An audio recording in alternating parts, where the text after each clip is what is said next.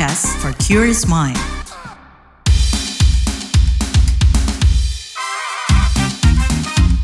What's Trending KBR Pagi, siaran pagi radio paling update.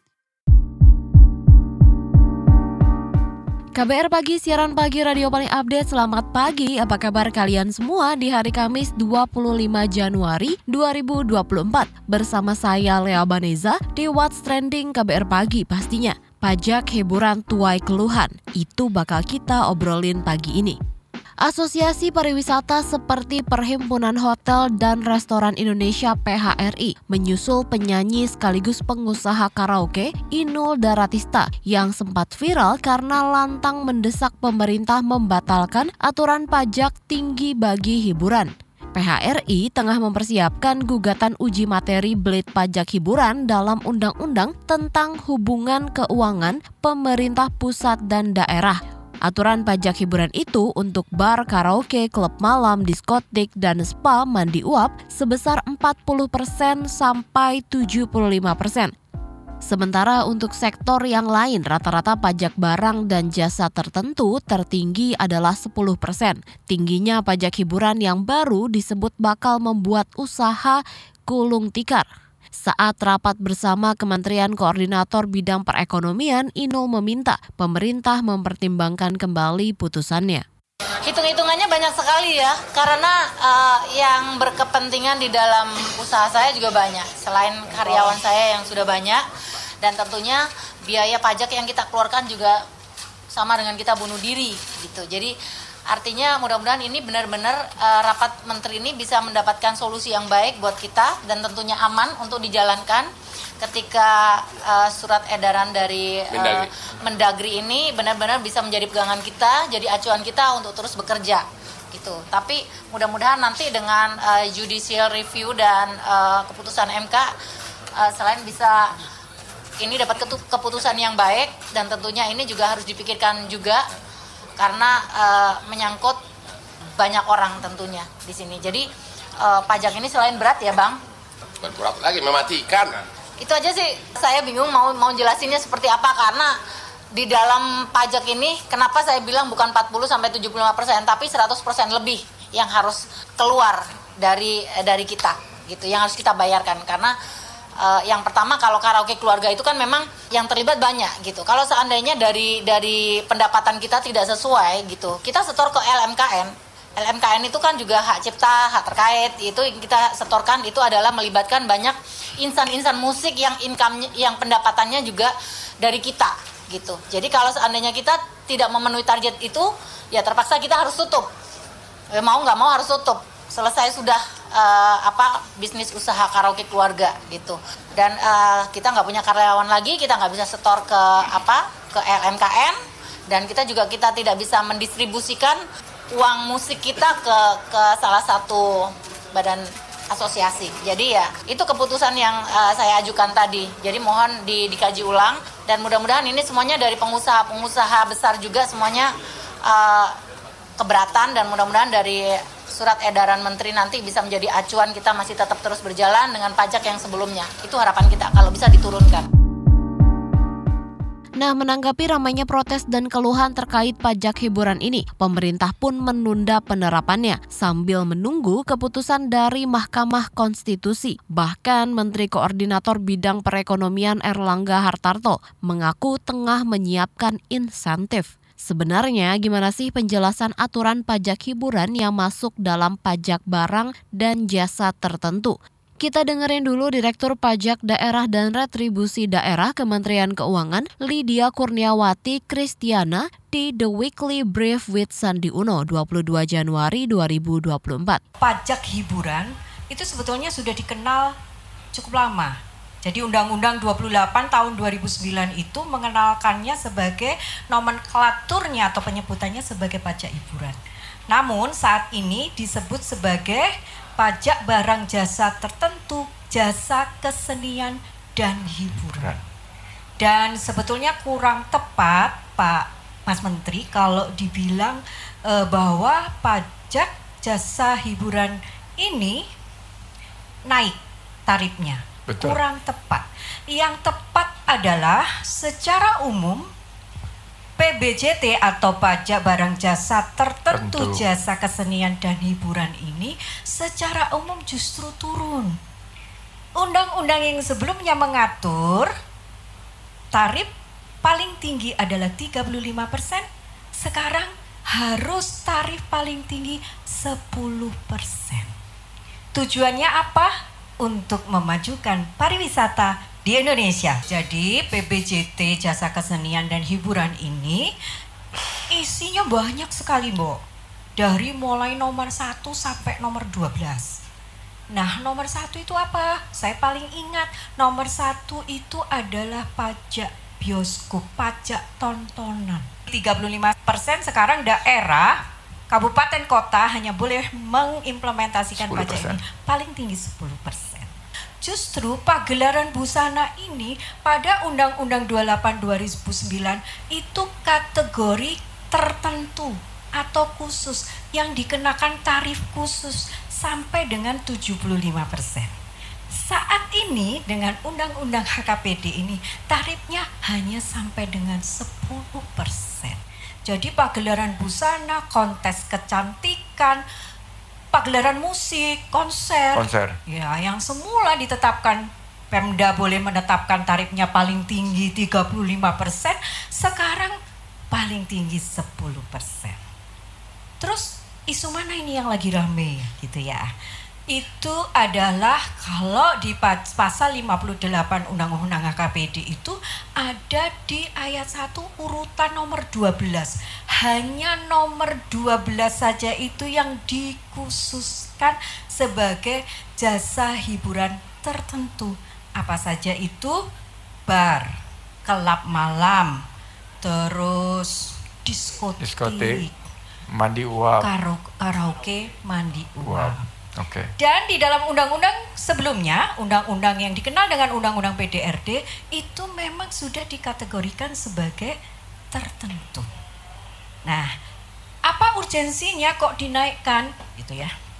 Tentu saat ini kita harus ketahui bahwa fungsi daripada eh, apa namanya alat fiskal, instrumen fiskal dalam hal ini pajak itu kan fungsinya tidak hanya budgetary saja Mas Menteri Betul. ya.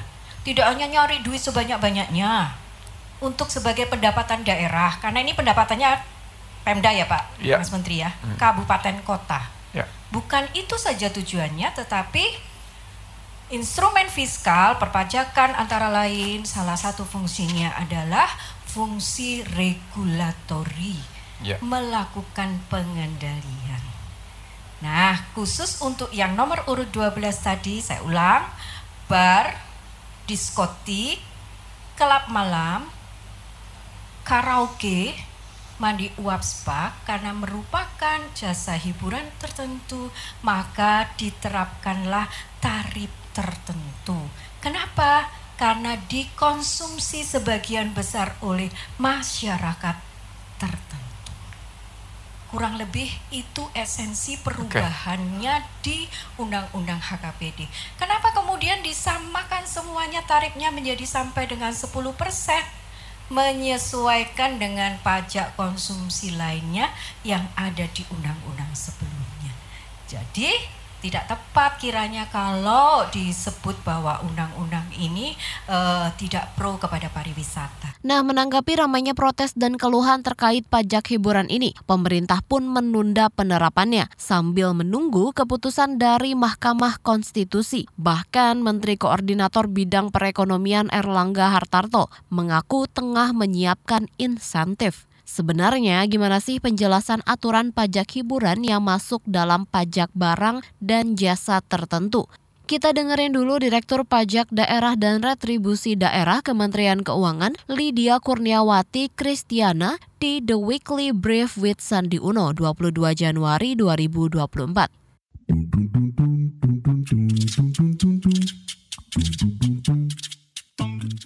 Kita ke komentar at harxx, nggak usah dinaikin pun udah kelojotan. Lalu komentar at abixx, sebaiknya tambang dan lain-lain hasil kekayaan negara yang harus dikenakan pajak yang besar karena pemilik tambang hidupnya udah makmur banget, sedangkan rakyat lemah dan lelah masih ngos-ngosan. Lalu komentar at ECKXX, sahkan undang-undang rampas harta koruptor untuk menambah APBN. Jangan hanya rapat untuk menaikkan pajak yang menyengsarakan rakyat. Lalu komentar at HisXX, kalau pajak hiburan sih nggak masalah dinaikkan, kan yang menikmati hiburan malam, hotel, diskotik, karaoke, dan lain-lain, orang yang udah kelebihan duit. Lalu at LilXX, orang kecil itu hidupnya dari orang kaya atau pengusaha, kalau pajaknya naik sama aja halnya membunuh rakyat kecil. At AruXX, beginilah kalau koruptor nggak diberantas habis, pajak-pajak dinaikkan yang menikmati koruptor juga. Lanjut ke komentar at FigXX, kalau tempat hiburan tutup nggak terlalu pengaruh sih untuk sebagian besar masyarakat Indonesia, dan mungkin pemerintah juga tahu kalau yang biasa ke tempat hiburan itu pasti orang-orang yang berduit, makanya pajaknya dinaikkan. Dan terakhir komentar at analogi Anda kurang tepat. Saya hidup dan tinggal di Bali, satu klub bisa mempekerjakan lebih dari 500 orang. Belum lagi konsumsi bahan makanan diambil dari pasar rakyat. Juga pembayaran pajak yang tinggi adalah sumber APBD daerah. APBD daerah digunakan untuk kepentingan masyarakat. Belum lagi perekonomian di sekitar klub tumbuh seperti usaha hotel, penginapan, laundry, dan kos-kosan. Jadi pengusaha besar itu menampung masyarakat kecil yang bergantung padanya. Sekelas Mbak Inul aja mah nggak punya karaoke masih bisa hidup dari nyanyi, tapi karena beliau memikirkan ribuan pekerja yang bergantung hidup dari usahanya, karena itu beliau memperjuangkan evaluasi penurunan tarif pajak itu.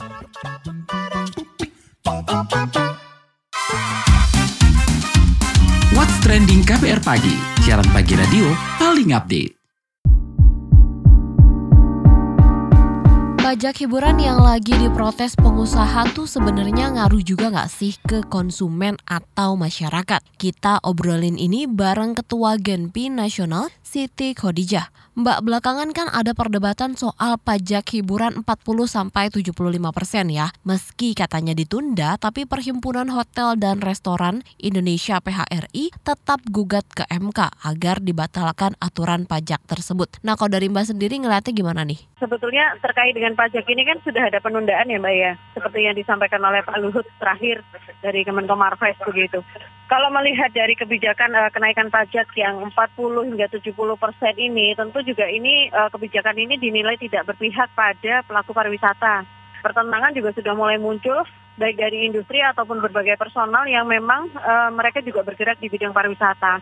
Dan tentu bagaimanapun ini juga akan mengimbas kepada jumlah wisatawan yang akan datang ke Indonesia. Kalau kita lihat atau kita bandingkan saja dengan beberapa negara di Asia Tenggara terkait dengan uh, besaran pajak ini tidak ada yang lebih di atas dari 25 persen begitu ya. Dan Indonesia saat ini juga nilai sudah cukup tinggi. Kalau masih dinaikkan, kita khawatir adalah wisatawannya justru negara-negara yang saat ini menjadi kompetitor kita. Mbak, ini kan pengusaha merasa diberatkan gitu ya, tapi kalau dari masyarakat sebagai konsumen sendiri nih, bakal terpengaruh nggak sih sama eh, pajak hiburan ini dan pengaruhnya tuh seperti apa gitu? Hal terkait dengan pajak di pariwisata ini kan dibebankan kepada konsumen juga ya. Misalkan kita makan di food and beverage gitu. Selama ini kan ada PPN, ada servis, ada tax begitu. Nah, tentu ini juga akan ber, berefek begitu terkait dengan harga. Tidak mungkin tidak ada kenaikan harga ataupun tidak ada margin yang tidak berubah dengan adanya pajak ini sehingga bagaimanapun pasti akan berdampak pada wisatawan. Sedangkan di Indonesia sendiri untuk tahun 2024 ini target kunjungan wisata dalam negeri atau wisatawan Nusantara itu ditarget 1,5 miliar perjalanan wisata domestik. Nah kami khawatir bahwa jumlah ini tidak tercapai ketika ada kenaikan pajak yang sangat signifikan. Justru masyarakat ini berwisata ke luar negeri dengan berbagai promo yang didapatkan, dengan berbagai kemudahan. Lalu bahkan ada beberapa negara yang memang menghentikan pajak mereka saat mereka bekerja di luar, begitu. Nah, kalau ngomongin soal alasan kenaikan pajak itu kan di antaranya untuk fungsi regulatori atau melakukan pengendalian nih, Mbak. Tapi sebenarnya perlu nggak sih ini tuh ditempuh? Sebetulnya kalau kita berkaca kan harus ada studi dulu ya Mbak ya terkait dengan efek juga. Jangan sampai ini juga menjadi multiplier efek begitu. Kalau terkait dengan regulatori ya mungkin ada sisi pembenaran dari sisi itu. Tetapi kita juga perlu lihat bagaimana efek dominonya. Efek dominonya ketika kita baru tumbuh dan kembali ke grafik-grafik di mana selesai pandemi misalkan tetapi tidak didukung dengan berbagai kebijakan yang ada, tentu ini juga akan menjadi satu permasalahan lagi.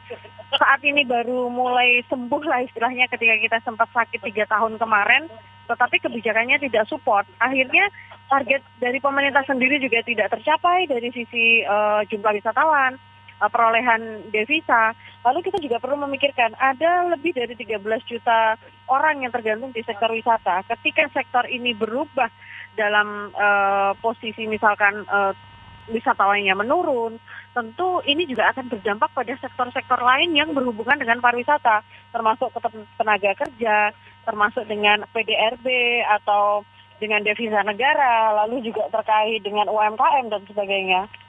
Nah kalau ngomongin besaran pajak hiburannya nih Mbak, mestinya tuh idealnya berapa sih dan gimana penerapannya juga di luar negeri gitu? Jadi kalau kalau pendapat kami sih sebenarnya di angka ini dulu ya, jangan dirubah dulu. Nah, ketika ini dirubah, diturunkan pun juga pasti akan memberikan efek yang mungkin juga tidak baik begitu. Jadi kita harus punya prioritas dalam program pariwisata ini, bukan prioritas untuk menaikkan pajak dari sektor pariwisata, tetapi bagaimana kita misalkan prioritas untuk meningkatkan kunjungan wisatawan sekaligus uh, meningkatkan length of stay-nya. Nah, sehingga ketika layout ini meningkat, maka jumlah konsumsinya kan juga pasti meningkat ya. Nah, artinya bahwa memang pemerintah juga harus memiliki prioritas-prioritas dan termasuk ketika ada isu kenaikan pajak ini yang akhirnya juga dibatalkan sendiri oleh Pak Luhut. Ini kan sudah membuat satu kekacauan ya melalui disinformasi ya. kenapa harus diumumkan, kenapa harus disosialisasi, kenapa harus disampaikan ketika toh ini belum matang, terjadi penundaan dan sebagainya. Nah ini menjadi satu hal yang sebetulnya menjadi kekacauan, chaos. Chaos informasi ini kan memberikan, kalau dalam dunia bisnis kan membuat satu kelesuan ya Mbak ya. Orang yang punya plan akhirnya menunda karena adanya kebijakan ini. Menunggu kepastian atau bahkan wisatawan yang akan berkunjung, mereka bisa jadi mengalihkan alternatifnya. Misalkan mengunjungi Thailand, lalu mengunjungi Malaysia atau bahkan Vietnam yang secara pajak juga mereka jauh di bawah Indonesia.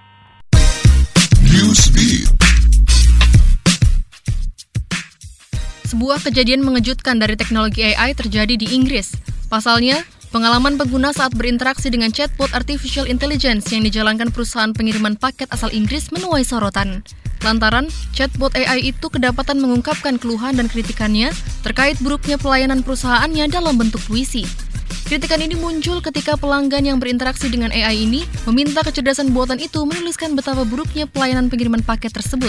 Imbas kejadian ini, fungsi chatbot AI pun dinonaktifkan perusahaan tersebut. Pemerintah Jerman mempermudah imigran di wilayahnya untuk menjadi warga negara resmi. Permudahan ini diiringi pengesahan undang-undang kewarganegaraan yang baru, di mana imigran yang tinggal selama lima tahun di Jerman boleh mendapat kewarganegaraan Jerman. Tak habis di situ, Pemerintah Jerman juga mempermudah imigran yang menunjukkan prestasi akademis atau profesional mendapatkan kewarganegaraan setelah tiga tahun tinggal. Namun, permudahan mendapatkan kewarganegaraan ini tidak mengharuskan seseorang berganti kewarganegaraan, melainkan bisa mendapat kewarganegaraan ganda. Aturan ini dianggap sebagai modernisasi dan reformasi kebijakan di Jerman sana. Diharapkan, kebijakan ini mampu memenuhi kebutuhan masyarakat yang beragam.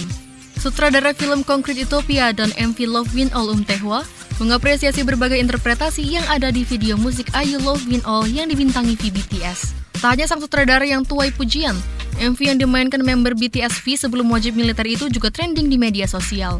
Tak hanya menyebut MV Ayu layaknya short movie, penggemar juga memuji chemistry antara Lee Jian dan Kim Taehyung. Sutradara Um Tae-hwa menjelaskan lensa yang dimainkan Ayu dan V adalah filter cinta yang dianggap sebagai perangkat penting yang memungkinkan seseorang melihat hal-hal yang indah dan di luar aspek internal dan eksternal karakter. MV Love Wins All sendiri rilis pada 23 Januari 2024.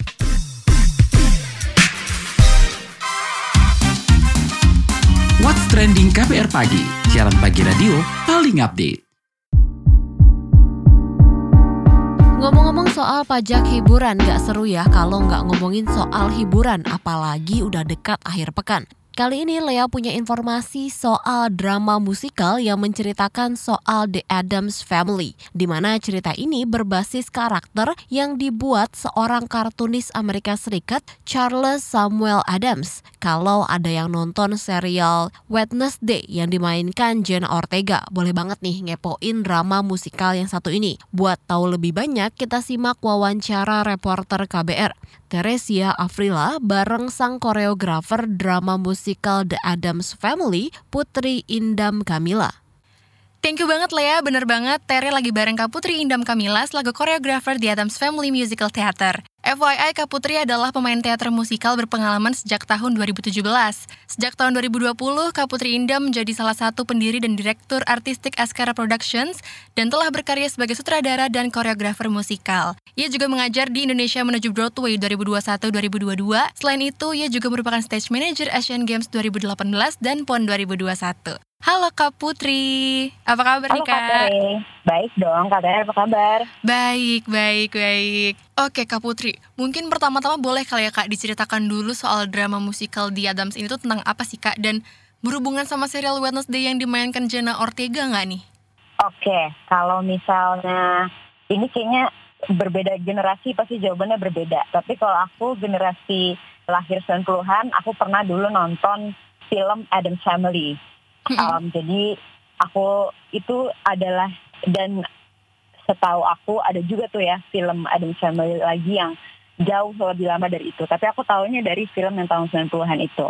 Nah, untuk kalau anak-anak yang anak-anak Gen Z pasti tahunya dari serial Wednesday yang dimainkan sama Jenna Ortega itu. Betul. Dan memang ada hubungannya karena itu keluarga yang sama, karakter yang sama, Wednesday Adams di keluarga Adams Family. Namun di sini, di musikal ini karakternya sama, keluarganya pun sama, tapi ceritanya tidak pernah diperlihatkan di film-film atau serial-serial yang pernah ditampilkan sebelumnya. Karena ini adalah cerita original tentang Adams Family ini yang berpusat pada ceritanya si Wednesday ini dia jatuh cinta gitu. Dia sudah mulai besar dan dia jatuh cinta sama seorang laki-laki uh, yang berasal dari keluarga yang quote unquote normal gitu. Dan jadinya ceritanya tuh mengikuti itu dan akhirnya ya ditonton bisa datang ke musikal kita untuk menonton apakah akhirnya dia berhasil untuk jadi sama cowok ini atau enggak karena dia harus izin sama keluarganya dan dia harus tahu apakah cocok atau enggak sama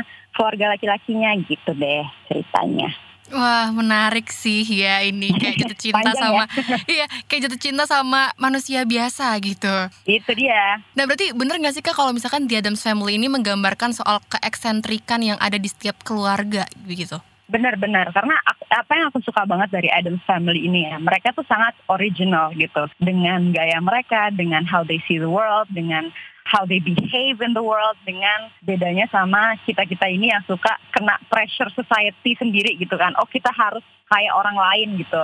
At some point pasti kita semua pernah merasakan itu, tapi sebenarnya kita semua tuh pasti ada originality atau bisa dibilang keeksentrikan yang mirip sama Adams ini gitu, yang mungkin tidak terlihat secara gamblang gitu ya. Kalau Adams kan benar-benar dia full black dan cara mereka ngomong tuh memang cara mereka melihat dunia beda sekali gitu. Mm-mm. Tapi sebenarnya kita semua tuh juga punya loh keeksentrikan itu gitu, keoriginalitas, keoriginalisman kita itu yang unik untuk setiap keluarga gitu. Oke, kalau misalkan penggemar serial Wednesday kan biasanya cuma bisa nonton lewat layar datar gitu ya kak. Nah kalau misalkan drama musicalnya nanti, ini tuh kira-kira bakal ngasih experience apa sih ke para penonton? Tentunya satu hal eh, yang pasti adalah ini cast, kreatif, dan produksi timnya adalah orang-orang Indonesia. Mhm. Walaupun memang kita membeli right untuk untuk show ini karena ini show sudah pernah dibawa di Broadway dan di West End dan kita beli rights-nya namun yang mengerjakan di sini adalah semuanya orang Indonesia. Itu Mhm, satu. Kedua, kalian harus lihat betapa these young cast um, yang mainin Adams Family Musical ini oleh R&D, mereka adalah anak-anak muda yang sangat-sangat berbakat dan jadinya itu yang kalian bakal lihat. Lalu tentunya karena ini buatan Indonesia ya gitu orang-orang yang berkarya pun orang-orang Indonesia jadinya kita ngasih berbagai sedikit-sedikit surprise yang akan relatable untuk orang-orang yang nonton di Indonesia ini gitu. Hmm, wah bakal ada surprise juga ternyata nanti ya. Iya itu dia. Nah, kan katanya nih kalau dari yang aku dengar-dengar nih kan The Adams Musical ini bakal ada sentuhan komedinya gitu ya. Nah, bedanya apa aja sih Kak sama seriesnya? bedanya apa sama seriesnya sebenarnya komedinya itu karena ya itu yang yang kita telah omongin tadi bahwa mereka eksentrik gitu mereka melihat dunia itu berbeda gitu Mm-mm. jadinya akan seputar itu bagaimana untuk kita orang yang quote unquote normal uh, melihat perilaku mereka yang mereka juga uh, eh, merasa itu normal, tapi untuk kita itu nggak normal gitu. Jadi eh, itunya tuh akan dimainin. Betapa mereka merasa ini gue melakukan ini biasa aja kok gitu. Tapi untuk kita kayak jadi lucu karena lah itu beda banget dengan apa yang kita biasa pikirin gitu. Jadi tentunya dari sisi teatrikal juga ada komedi-komedi dan set dan musiknya dan blockingnya dan cast-castnya tentunya yang akan mendukung komedi-komedi itu untuk menghibur para penonton. Gitu. Hmm, oke. Kalau misalkan dari Kak Putri sendiri nih, kira-kira apa sih Kak yang membuat Kakak tuh mau jadi bagian dari The Addams Family Musical ini sebagai koreografer gitu?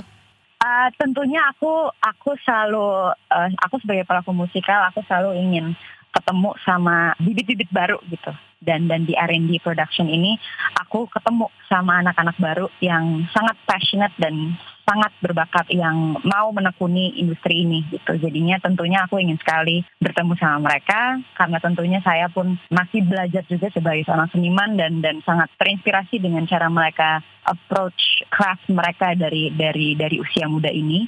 Uh, selain itu juga ceritanya gitu ceritanya yang yang unik, relatable, lovable dan dan satu hal yang aku suka banget di Adams Family musical ini yang nanti akan dibawakan juga lagunya di musikal ini. Nanti kalau pada nonton adalah how sebagai sebagai manusia gitu, the Adams Family ini encourage everyone to be friends with befriend your your darkness.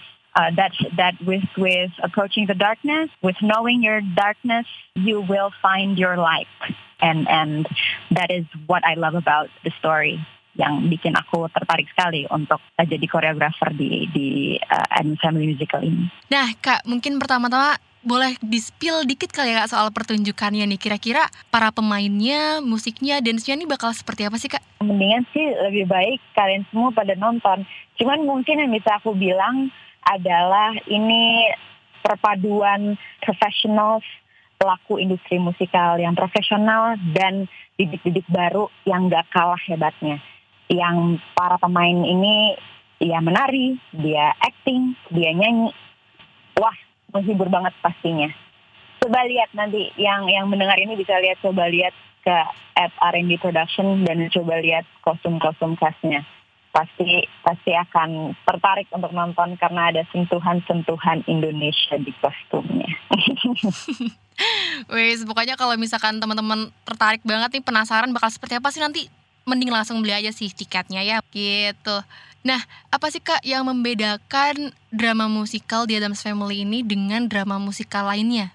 Tentunya dari sisi cerita kan berbeda dan setiap cerita pasti pasti berbeda gitu ya. Tapi mungkin hmm. yang yang paling menarik gitu ya adalah satu sisi keluarga gitu ya. Keluarga itu apa pun yang terjadi seaneh apa pun itu pasti ada cara untuk untuk bisa kembali lagi ke keluarga karena karena kita sangat sayang dengan satu sama lain. Sama yang kedua juga adalah topik tentang menerima perbedaan kali ya, menerima bahwa beberapa nggak semua orang mempunyai point of view atau peace of mind or behavior wise the way that you do, but that doesn't mean that they mean any harm. You know, different is not necessarily dangerous. Malah something different could could lead you to new experiences, new point of view yang akan buat kita ini jauh lebih original uh, dan authentic dari kita sebelumnya melalui kita mengenal keluarga Adams ini. Untuk maknanya sih dapat banget ya di di Adams Family ini. Benar-benar banyak sekali nilai-nilai yang bakal kita dapetin nih kalau misalnya kita nonton gitu ya. Nah, iya sedia. Oke, okay. mungkin boleh kali kak di spill nih info-info soal jadwal penyelenggaraan dan harga tiketnya tuh berapa sih kak?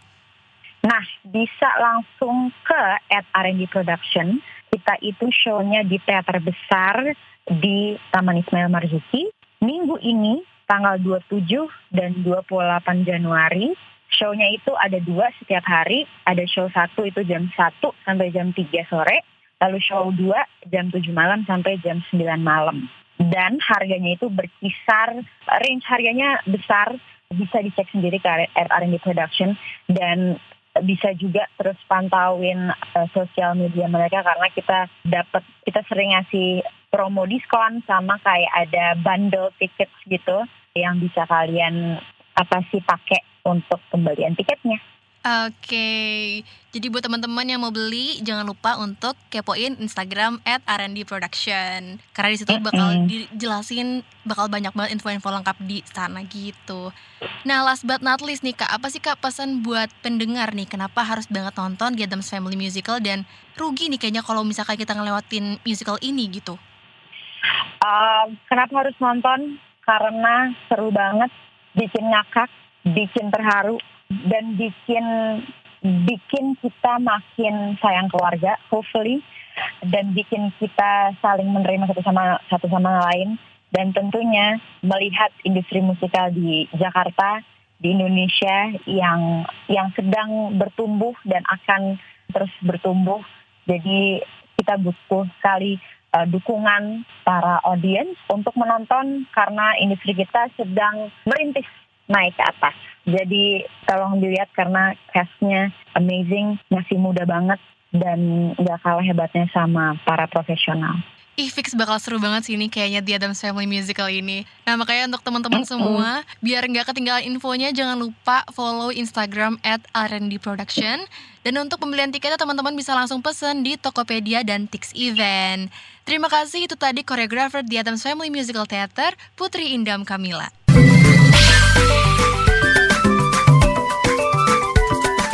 WhatsApp Indonesia. WhatsApp Indonesia kita mulai dari kabar pemilu 2024. Kementerian Pemberdayaan Perempuan dan Perlindungan Anak PPPA menyayangkan pelibatan anak dalam kampanye oleh peserta pemilu. Asisten Deputi Perlindungan Khusus Anak dari Kekerasan Kementerian Pemberdayaan Perempuan dan Perlindungan Anak Ciput Eka Purwianti mendesak Badan Pengawas Pemilu Bawaslu untuk menindak tegas peserta pemilu yang terbukti melanggar ketentuan kampanye. Dia menegaskan tak boleh ada pelibatan anak di bawah umur dalam urusan politik dan menganggap itu sebagai tindakan buruk. Sebelumnya, Komisi Perlindungan Anak Indonesia KPAI menemukan berbagai bentuk eksploitasi anak di bawah umur dalam masa kampanye pemilu 2024. Antara lain, anak-anak dijadikan target kampanye, selain itu ada juga anak yang dibayar untuk menjadi juru kampanye paslon tertentu. Selanjutnya ke Jawa Barat. Bauran energi terbarukan di Jawa Barat pada 2023 mencapai 25 persen. Angka ini melampaui target Rencana Umum Energi Daerah RUED sebesar 20 persen pada 2025. Namun, menurut Kepala Dinas Energi dan Sumber Daya Mineral ASDM Jawa Barat, Aisyah Diah Diudaningsih, baru sekitar 2 persen saja yang sudah termanfaatkan. Padahal, ada berbagai potensi energi terbarukan di Jawa Barat, terdiri dari energi surya, biomasa, panas bumi, air, serta angin. Ia menekankan pentingnya kolaborasi lintas sektor dalam upaya mengampanyekan transisi energi. Karenanya, Jawa Barat telah membentuk Forum Energi Daerah. Tujuannya agar forum itu mewadahi berbagai sudut pandang untuk memberikan masukan bagi kebijakan sesuai Rencana Umum Energi Daerah RUED dan Kebijakan Energi Nasional. Terakhir kita ke Jakarta. Direktorat Tindak Pidana Umum Dirtipidum Barreskrim Polri berhasil menangkap 21 pelaku praktik penipuan online dengan modus love scamming yang memakan ratusan korban dari berbagai negara seperti Amerika, Italia, Inggris, Thailand, hingga Maroko. Dirtipidum Polri Brigjen Pol Juhandani Raharjo Puro mengatakan para pelaku melakukan aksinya melalui dating apps dan memanfaatkan kepercayaan mereka untuk mengirim foto-foto tidak senonoh. Aksinya ini membuat para pelaku berhasil meraih keuntungan hingga 50 miliar rupiah per bulannya. Saat ini, kepolisian telah mengamankan 96 handphone dan laptop sebagai barang bukti. Sementara pelaku terjerat pasal tindak pidana informasi dan transaksi elektronik dengan ancaman hukuman hingga 6 tahun penjara. Demikian WhatsApp Indonesia hari ini. Terima kasih ya sudah mendengarkan What's Trending KBR Pagi. Jangan lupa terus dengarkan podcast What's Trending di kbrprime.id dan aplikasi mendengarkan podcast lainnya. Lea Baneza pamit, stay safe and happy. Bye-bye. What's Trending KBR Pagi, siaran pagi radio paling update.